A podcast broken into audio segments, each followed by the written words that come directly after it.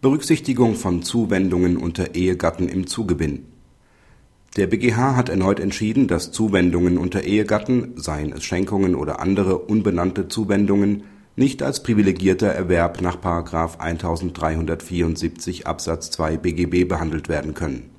Dies gilt auch für Zuwendungen, die mit Rücksicht auf ein künftiges Erbrecht erfolgen.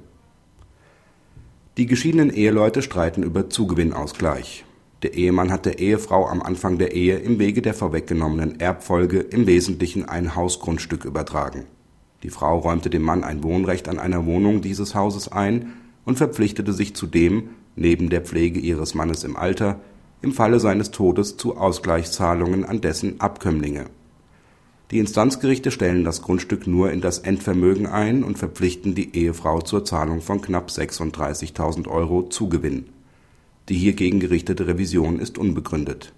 Der BGH stellt klar, dass das Hausgrundstück zu Recht nicht in das Anfangsvermögen der Ehefrau einzustellen war ein privilegierter Erwerb liegt insbesondere nach dem Grundgedanken der Regelung des § 1374 Absatz 2 BGB, der Ausnahmen vom Grundsatz des Ausgleichs aller während der Ehezeit erzielten Vermögenszuwächse statuiert, nicht vor.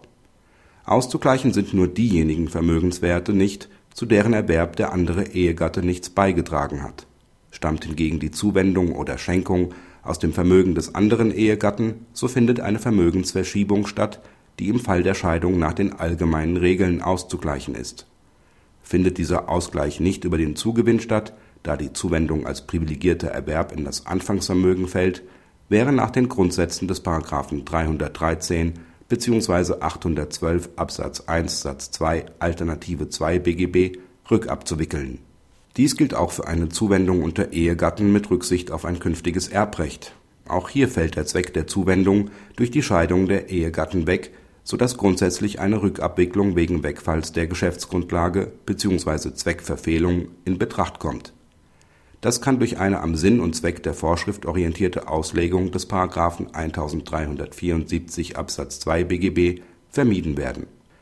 Praxishinweis Die Vorschrift des § 1374 BGB ist weitgehend disponibel, so dass die Ehegatten sowohl eine vom Gesetz als auch von der dargestellten Rechtsprechung abweichende Vereinbarung treffen können. So kann es für den beratenden Anwalt angezeigt sein, im Rahmen von Eheverträgen oder auch beim Entwurf einer notariellen Urkunde zur Übertragung von Grundstücksrechten unter Ehegatten zum Beispiel über eine gewillkürte Zuordnung zum Anfangsvermögen oder deren Ausschluss aufzuklären